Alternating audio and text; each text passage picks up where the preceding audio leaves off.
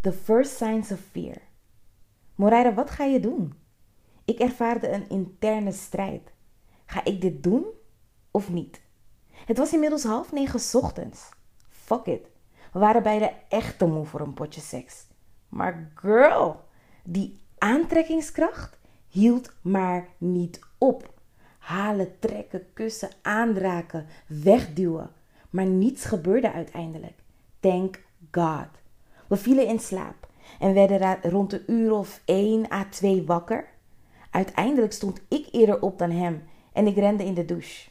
Het enige wat ik dacht was: deze man gaat mijn huis niet verlaten zonder dat ik hem in me heb gevoeld. Super thirsty, I know. Hij werd wakker en ik kwam super nonchalant weer naast hem liggen. Ingesmeerd, geschoren en lekker ruikend naar douchegel.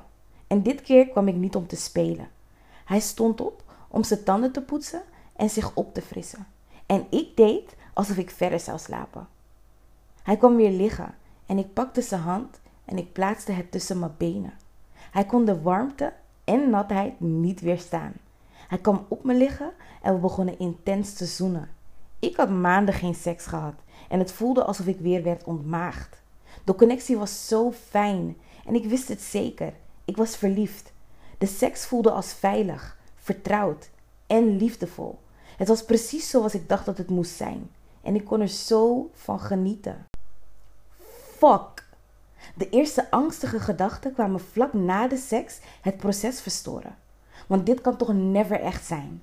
Rare, angstige gedachten kwamen mij euforie verstoren. Gedachten als: laat me maar alvast voorbereid zijn op het feit dat hij mij hierna niet meer wilt zien. Dit kan toch never real zijn. Doe maar gewoon niet te blij, Moreira. Wie weet, zie je hem nooit meer terug. Moreira stopt met die bullshit. Ik keek hem aan en hij keek super verliefd en dankbaar in mijn ogen. Na de intense seks gaf hij aan genoten te hebben van mijn aanwezigheid. En hij moest en zou even laten weten how tight this pussy felt. Hij vertelde hoe gek hij op me was en dat hij het heerlijk vond. Ik voelde me gevleid. En aangezien ik al over die streep was gegaan, wilde ik nog een ronde. Hij twijfelde er niet over, tilde me op voor de next ride en die voelde net zo goed als de eerste keer. I loved it. Ik had een avonddienst en hij moest terug naar huis. Drie hele uren rijden. We moesten dus afscheid nemen van elkaar. Hij belde me direct in de nacht toen ik op werk was aangekomen. Onze band werd alleen maar hechter. We hadden het over seks, over de toekomst en over onze plannen samen. Hij stond erop om me mee te nemen op een date. Een echte date. Hij wilde namelijk niet dat ik afstapte van mijn normen en waarden vanwege de lust en de hevige aantrekkingskracht. Ik was dat eerlijk gezegd heel even vergeten. Het voelde goed. Ik wist voor deze keer dat het goed zat. Ik had op dat moment ook nergens spijt van en ik gaf aan dat ik het waardeerde. We hadden een date gepland. Hij gaf aan dat hij het zou plannen en dat het enige wat ik moest doen was show up dressed like the fine ass woman I am. Dat zei hij natuurlijk niet, maar daar kwam het wel op neer. We spraken dag en nacht en ik raakte verslaafd aan zijn aandacht, zijn geur, zijn liefde, zijn stem. Een hele week ging voorbij en omdat de afstand tussen ons wel drie uur rijden was, konden we niet 1, 2, 3 heen en weer rijden. Op een dag koos ik ervoor om naar België te rijden. Ik trok het niet meer. Ik miste mijn Donny baby. Ik had overdag een sexy fuchsia lingerie setje gekocht en ik was naar de kapper geweest. Had ervoor gezorgd dat ik glad en geschoren was en ik was ready en onderweg naar mijn crush. Ik wilde niets horen. Hij belde me steeds op om te checken of ik nog goed ging op de weg.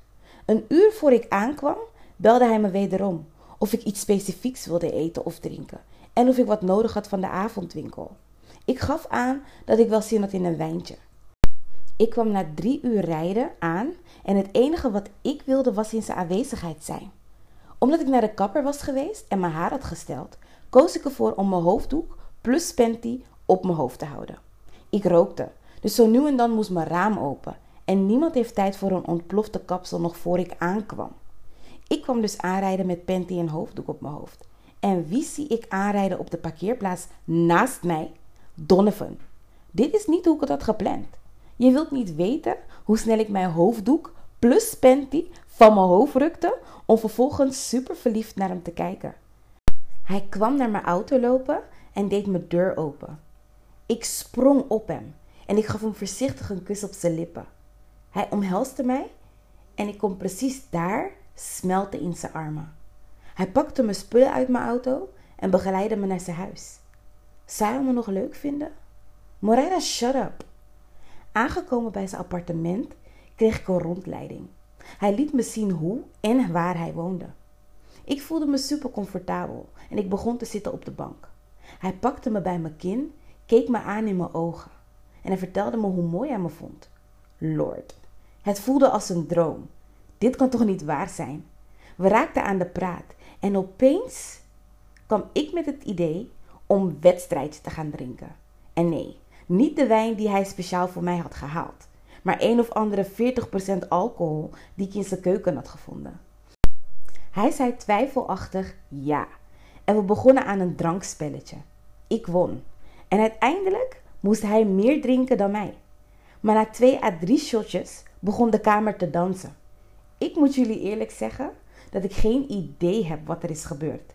Ik herinner me vaag spullen overal op de grond, een hoop gelach en ik eindigde naakt in bed.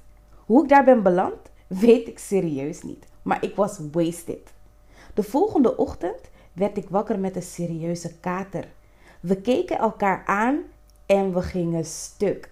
Hij vroeg mij hoe wij in bed waren beland en ik weet tot op de dag van vandaag niet hoe. Hij is een chefkok, dus hij zei: Vandaag ga ik voor jou koken.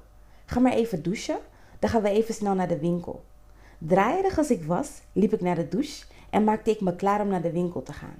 Na mij liep hij naar de douche en binnen 40 minuten belanden we in de winkel. Hij zei dat ik mocht kiezen wat ik wilde en vroeg wat ik wilde eten.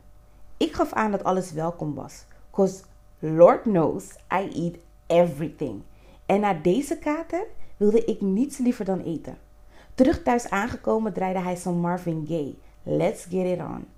Tijdens het voorbereiden van mijn lunch begonnen we romantisch te schuifelen. En het enige wat ik dacht was even serieus. In welke Tyler Perry movie ben ik beland? Hij serveerde mij verse jus en een chef broodje, ei met bacon en nog veel meer dingen, wat ik me niet meer kan herinneren. Het enige wat ik weet is dat het proefde naar meer. Zijn telefoon ging en hij drukte het weg. Hij gaf aan alle aandacht aan mij te willen besteden. Maar daar, precies daar, werd mijn onzekerheid getriggerd. Het enige wat ik dacht was: wie was dat? En waarom druk je die persoon weg?